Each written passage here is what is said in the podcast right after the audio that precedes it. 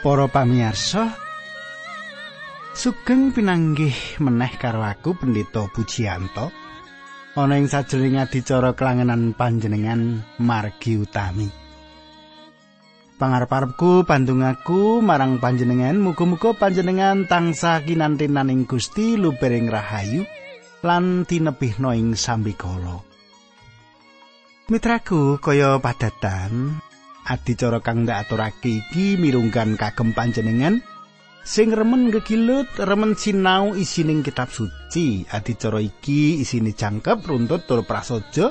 Manut urutane ayat lan pasal saka kitab suci kita iki kang meratelake meh saben ayat. Kala-kala ganti nggayutake karo panemune ngilmu kasunyatan. Sarta kahanan urip pedinan panjenengan lan aku utamane ing babagan-babagan tata karohanen. Sugeng midhangetake adicara iki.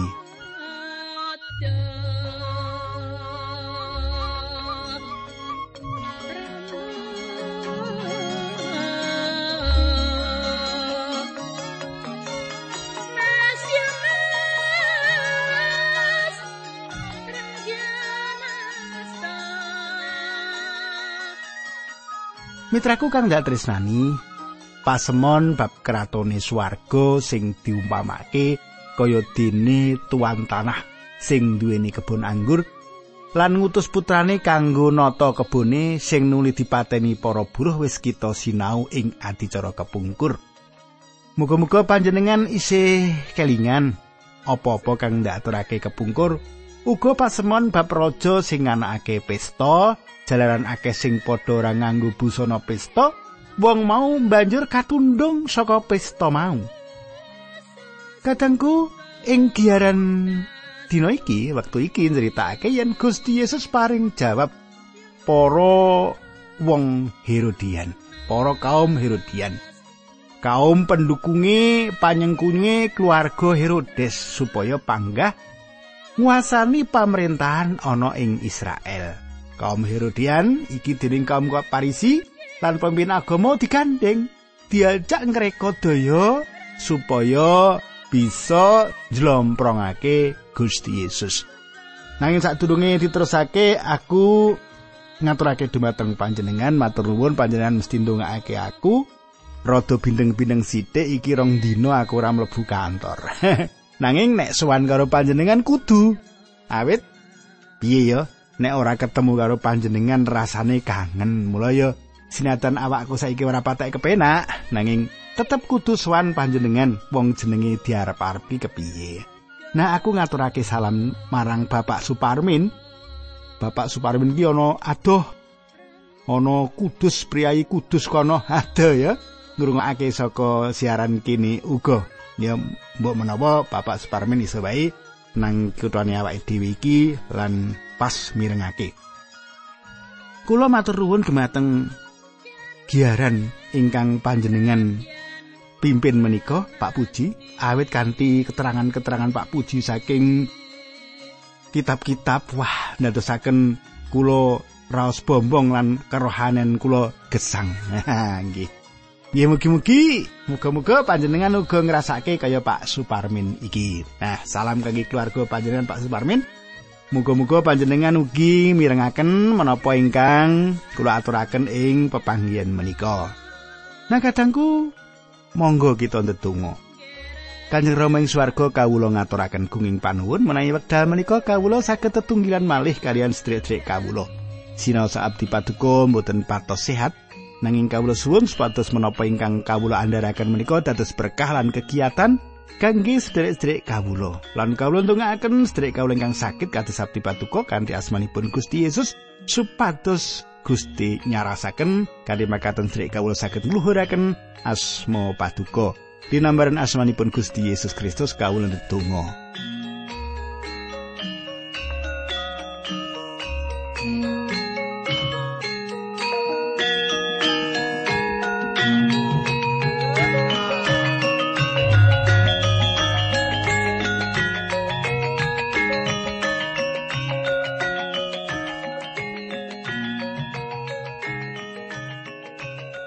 Katangku kang ndak tresnani. Aku bakal nerosake Lah iki conto kepriye carane supaya bisa nyerang Gusti Yesus. Mau aku wis ngaturake menawa kaum Herodian digandeng dening kaum Parisi lan pemimpin agama diajak ngrekodaya Gusti Yesus. Nah, iki conto kepriye carane supaya bisa nyerang Gusti Yesus. Panjenengan iso nyemak ing Matius 22 ayat 15. Wong-wong Parisi nuli padha metu saka ing kono lan padha ngrembug kepriye bisane nyengkolong. Bisane njiret Gusti Yesus srana pitakonan-pitakonan. Ayat 16 Para Farisi mau likongkonan murid-muride sowan marang Gusti Yesus bebarengan karo wong sawetara saka golongan Herodian.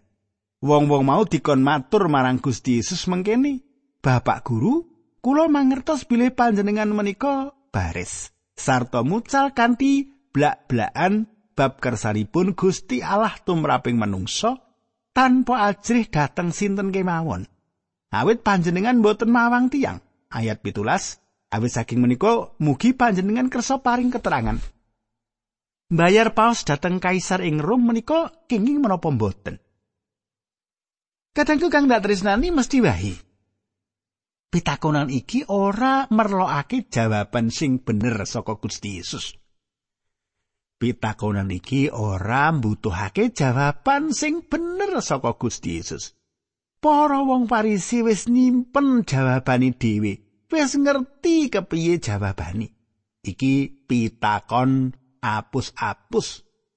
Iki pitakon gasangi supaya Gusti Yesus bisa kepleset ing bab jawabane nek wis mengkono nuli gampang Gusti Yesus kapradake ya elek ya. Watek ngene iki aja ditiru ya. Ngumpan gasangi supaya wong kepleset bal kepleset terus didadekke masalah. Ana gereja muga-muga ora ana wong-wong sing duwe sifat ngene iki. Seneng gasangi kancane ngono nek kepleset dipermasalahake. Wah ngono ki Dadi apa gereja kita nek ngono kuwi ya? Nah, mangkene yen Gusti Yesus njawab ora bayar marang kaisar, dianggep pengkhianat pemerintah Roma. Balilo karo pemerintah Roma. Yen paring jawab bayar marang kaisar, ateges panjenengane ora juru wilujeng sing sejati. Wah, repot ya. Palang-palang kejahatan wis dipasang ing sakiwa tengene Gusti Yesus kanthi pitakonan-pitakonan sing jiret. Matius 22 ayat 18 panjenengan semak iki aku nggunakake kitab suci basa pedinan lho. Kadangku ya, aja kaget iki padha wae isine saiki gatekke wae ya. Nanging Gusti Yesus mirsa karep sing ala kuwi mula banjur ngendika wong lamis. Yo kene kowe nyoba marang aku. Gusti kanthi gamblang ngendika yen wong-wong mau lamis. Wong-wong mau samudana. Wong-wong mau ora duwe ati kang tulus ora duwe kejujuran ning atine. Matius 22 tuduhno duit sing kok nggo bayar pajak kuwi wong mau banjur padha ngaturake duit dinar sit Katangku Gusti Yesus ngagem conto duwite wong Parisi. Duit sing sahing jaman iku Gusti Yesus ora nganggo conto duwite pancen ora kagungan duit dhewe. Gusti Yesus ora duwe duit dhewe ya ora kagungan ya sing duwe wong Parisi. Saiki ayat 20 Matius 22. Gusti Yesus banjur ndangu iki gambare sapa lan jenenge sapa sing ditulis ana ing duit iki. Katangku duit dinar iku duit sing diwetokake pemerintah Romawi penjajahe wong Israel. Duit iki gambare sapa? Duit iki jenenge sapa? Matius likur. Wang solane sing padha didangu menika gambaripun kaisar. Gusti Yesus banjur ngendika, yen mengkono caosna marang kaisar apa sing dadi hae kaisar lan aturna marang Gusti Allah apa sing dadi kagungane Gusti Allah. Kadangku sing dak tresnani. Jawaban sing hebat ngidap-idapi lan malah bisa bingungake pikirane para parisi. Jawaban sing diparingake Gusti Yesus iku meratelake apa sing dadi kasunyatan ning gesange Gusti Yesus dhewe. Ayat 23. Bareng krungu pangandika mengkono wong-wong mau padha gumun banget banjur padha lunga. Mitraku. Kawicaksanan sing dipratelakake Gusti Yesus sing jawaban mau jawaban sing kanggo njebak mau wong-wong Parisi dadi kodeng atine. Dadi bingung. pancen saben warga negara klebu jajane Romawi kabeh kudu mbayar pajak kanggo pemerintah. Nanging duit sing kanggo mbayar pemerintah Romawi wis ora bisa meneh kanggo ngaturi pisungsung marang Allah. Iya ta? Wong wis diaturake karo pemerintah, ora bisa diaturake kanggo pisungsung marang Gusti Allah. Dadi uripe wong Parisi senadyan ngormati Romawi. Nanging ora bisa ninggalake Gusti Allah. apa sing dadi hake Gusti Allah? Pisungsungke apa sing dadi hake pemerintah? Diparingake diaturake. Ra ngono. Kita dadi warga negara kan ngono pajak kan bayar nggih. Nanging persembahan ing gereja pisungsung ya pisungsung sebab sing hake Gusti Allah ka aturake Gusti Allah sing hake negara ka aturake nang negara wong pancen awake dhewe iki dadi warga negara Indonesia gitu nah Kadang wong-wong Parisi lan Herodian nuli ninggalake Gusti Yesus. Banjur ana sawetara wong satu kuwi sing uga kepengin nyengkolong Gusti Yesus kanthi pitakonan. Matius 12 ayat 13 Ing dina kuwi uga ana wong saduki sawetara padha sowan ing ngarsane Gusti Yesus. Wong-wong mau duwe penganggep yen wong mati mono ora bakal tangi. Ayat 24 banjur padha matur marang Gusti Yesus mengkene. Guru, Nabi Musa ngendika menawi wonten tiang jaler pecah, mongko mboten gadah anak. Menika sederekipun jaler kedah kawin kalian rondo ingkang katilar pecah semahipun wau, supados ingkang pecah wau gadah turun. Ayat selawe, nanging nate kelampaning riki wonten tiang pitu sak sederek. Ingkang bajeng kawin bajeng pecah tanpa gadah anak. Dados randanipun katilaraken datang sederekipun. mangkaten ugi sederekipun wau inggih tilar donya tanpa gadah anak. Kados mangkaten ugi sederekipun nomor 3 lan salajengipun ngantos singkang nomor pitu pisan. Wusana tiang istri wau inggih pecah. Menawi mangkaten menika benjing ing dinen petanginipun tiang pecah tiang istri wau lajeng dados semahipun sinten sebab tiang pitu sak sederek wau sampun nate kawin kalian piyambakipun iki ayat 12 ya dadi 6 likur pitu likur walikur tak kabeh Kadangku Wong saduki ora percaya marang tangine raga. Kebangkitan. Mula pitakone ya nguyokake. ora nalar. Isine pitakonan ora ana etikane, ora ana sopan santune. Matius 12:29 Gusti Yesus ngendika, "Kowe padha kesasar sebab kowe ora ngerti marang piwulangi kitab suci lan panguasane Gusti Allah." Wong saduki iki pancen cubluk ing isine kitab suci, uga cubluk bab pangerten panguasane Allah. Mongko jawaban saka Gusti Yesus banget prasaja. Ayat 30, 31, 32 tak wacake ya. Awet yen wong mati wis padha ketangekake maneh, wong mau ora bakal omah-omah lan diomah-omahake meneh. Wong-wong mau bakal padha urip kaya para malaikat ing swarga. Kadangku iki ora nritakake malaikat. Kita ora bakal dadi malaikat nanging sawise ing swarga bakal ora ana bali somah. Ora ana palakrama kaya malaikat. Ngono lho, ya, 31.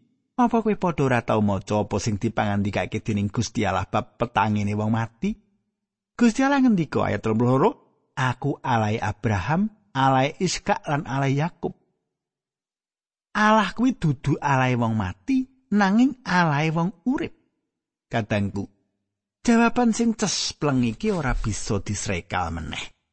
Jawaban sing cespleng iki ora bisa disrekal meneh. Bapak Abraham, Bapak Iska lan Bapak Yakub ora sedo.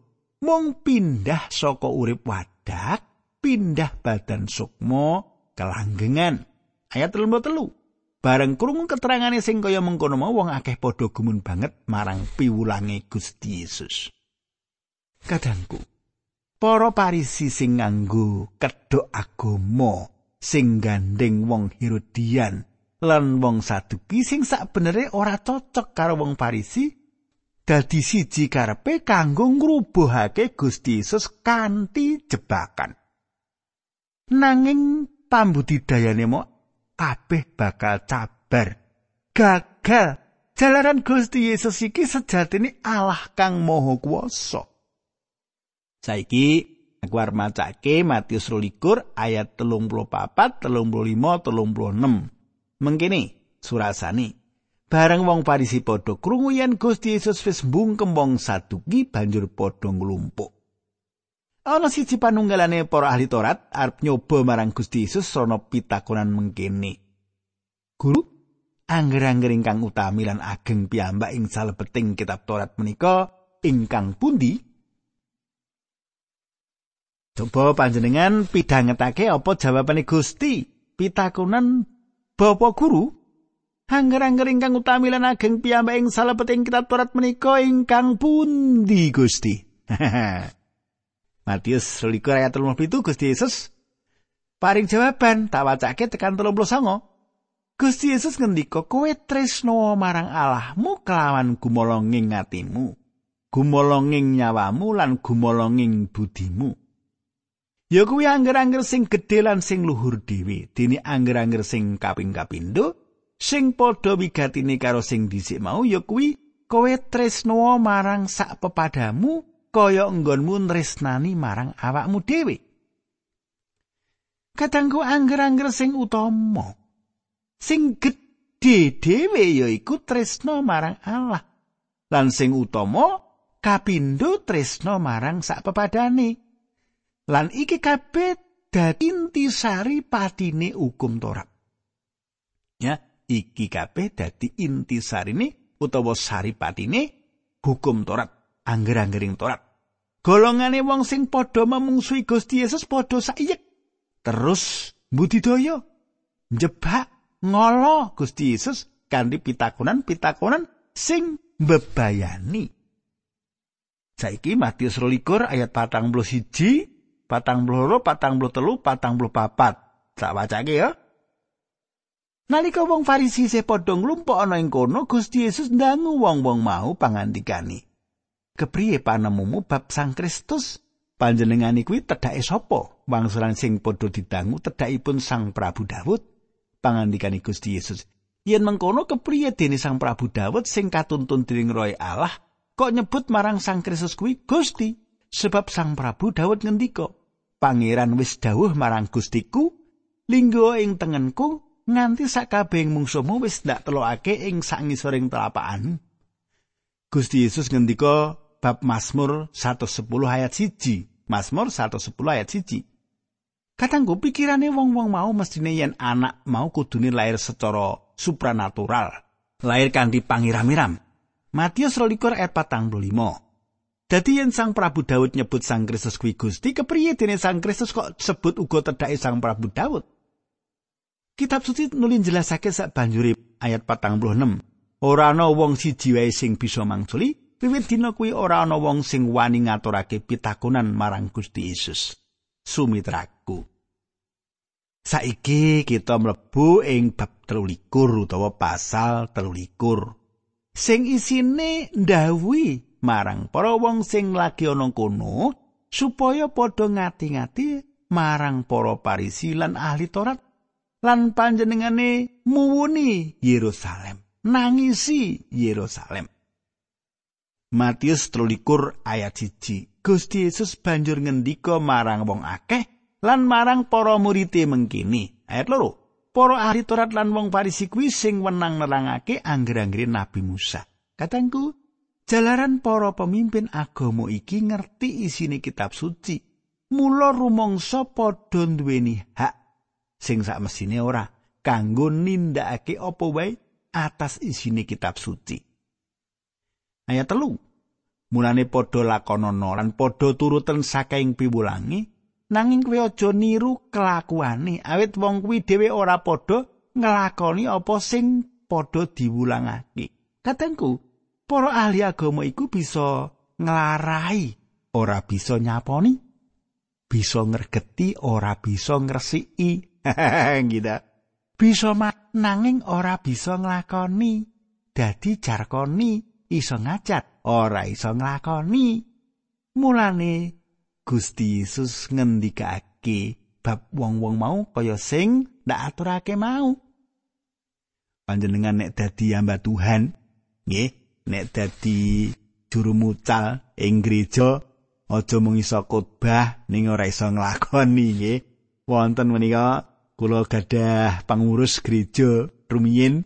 Menika nek didadwal khotbah itu suwanange ra karuan nggih.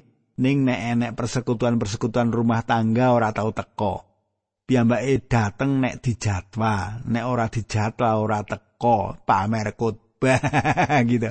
Wong liya kon sregep kumpulan ning dheweke dhewe ora sregep kumpulan. Mesti jenengan orang ngono kuwi gitu aja ditiru ngatur-ngatur niku pulangane siape khotbah siape mung kelakuane sing ora apik gitu nah Matius 13 ayat 4 5 6 pitu tak waca iki nggih. Padha gawe pranatan-pranatan sing abot nanging wong kuwi dhewe padha ora nindakake. Saketu mindake mau mung murih katonol ing kayata padha nganggo tali sembahyang ombo, padha nganggo gombyok sing dawa ana ing jubahe, padha seneng linggih ing papan kang kajen ana ing keramian-keramian lan linggih ing kursi sing ngarep dhewe ing papan-papan pangibadah padha seneng dihormati ing pasar-pasar lan seneng disebut guru Kadangku para ahli Taurat iki padha edan kinormatan nganggo sandangan sing nandhake yen ora padha karo wong lumrah. Seneng diuwuh guru utawa pendeta. Monggo Gusti Yesus ngendika ayat 8, nanging kowe aja seneng yen disebut guru, awit gurumu mung siji lan kowe kabeh padha dini sedulur. Ayat 9 lan 10 lan aja ana wong donya kene sing kok sebut Rama awit ramamu mung siji ya kuwi sing ana ing swarga. Kowe aja gelem disebut panuntun sebab panuntunmu mung siji ya kuwi Sang Kristus. Kadangku sing kumawani diuwuh Rama kawastani Rama iku ateges duwe kekuatan kanggo menehi urip. Urip sawutuwe utamane babakan-babakan kasukman. Rama sing ngejawantah dadi guru ya Sang Kristus iki sing kagungan panguwasa. Ayat 11 12 13 14 15 yo tak waca mengini surasane Sapa sing gedhe ana ing setengahmu kuwi dadi peladenmu sing sapa ngluhurake awake dhewe bakal diasorake Dene sing ngasorake awake dhewe kuwi bakal diluhurake. Cilaka kowe para ahli Taurat lan wong Farisi, kowe padha wong lamis. Kowe padha ngalang-alangi wong-wong sing arep padha dadi kawulaning kratoning Allah. Kowe dhewe padha ora gelem nanging wong liya sing padha gelem kok alang-alangi. Cilaka kowe para ahli Taurat lan wong Farisi, kowe wong lamis, kowe padha golek alasan rupa-rupa kanggo meres rondo-rondo lan ngerampok omahe. banjur etok-etok ndedonga dawa mulane kowe bakal tanpa paukuman sing luwih abot. Ayat 15 Cilaka kowe para ahli Taurat lan wong Farisi kowe wong lamis kowe padha lunga adoh nganti nyabrang segara lan ndelajahi daratan. Mung merga kepengin oleh wong siji sing kanut agamamu. Nanging yen wong mau wis mlebu agamamu banjur kok dadake calon isine neraka sing alane tikel pindho karo kowe dhewe kadangku pangandikane Gusti Yesus bab wong-wong ahli agama iki sereng keras banget. Mula hati-hati ing urip kita supaya kita uga ora kaya wong parisilan ahli agama sing dingendikake mau. Muga panjenengan itu berkah ing giaran iki nganti pepanggian maneh ing dina candake saiki ayo padha ndedonga. Duh Gusti kawula ngaturaken kuing panuwun menawi wekdal menika kawula saged ngegilut pangandikan paduka ing Injil Matius menika. kawula bingah Gusti berkahi kawula lan kawula nyuwun supados Gusti tansah bentengi kawula kanthi sih katresnan patuko dinambaran asmanipun Gusti Yesus Kristus kawula netunggal haleluya. Amin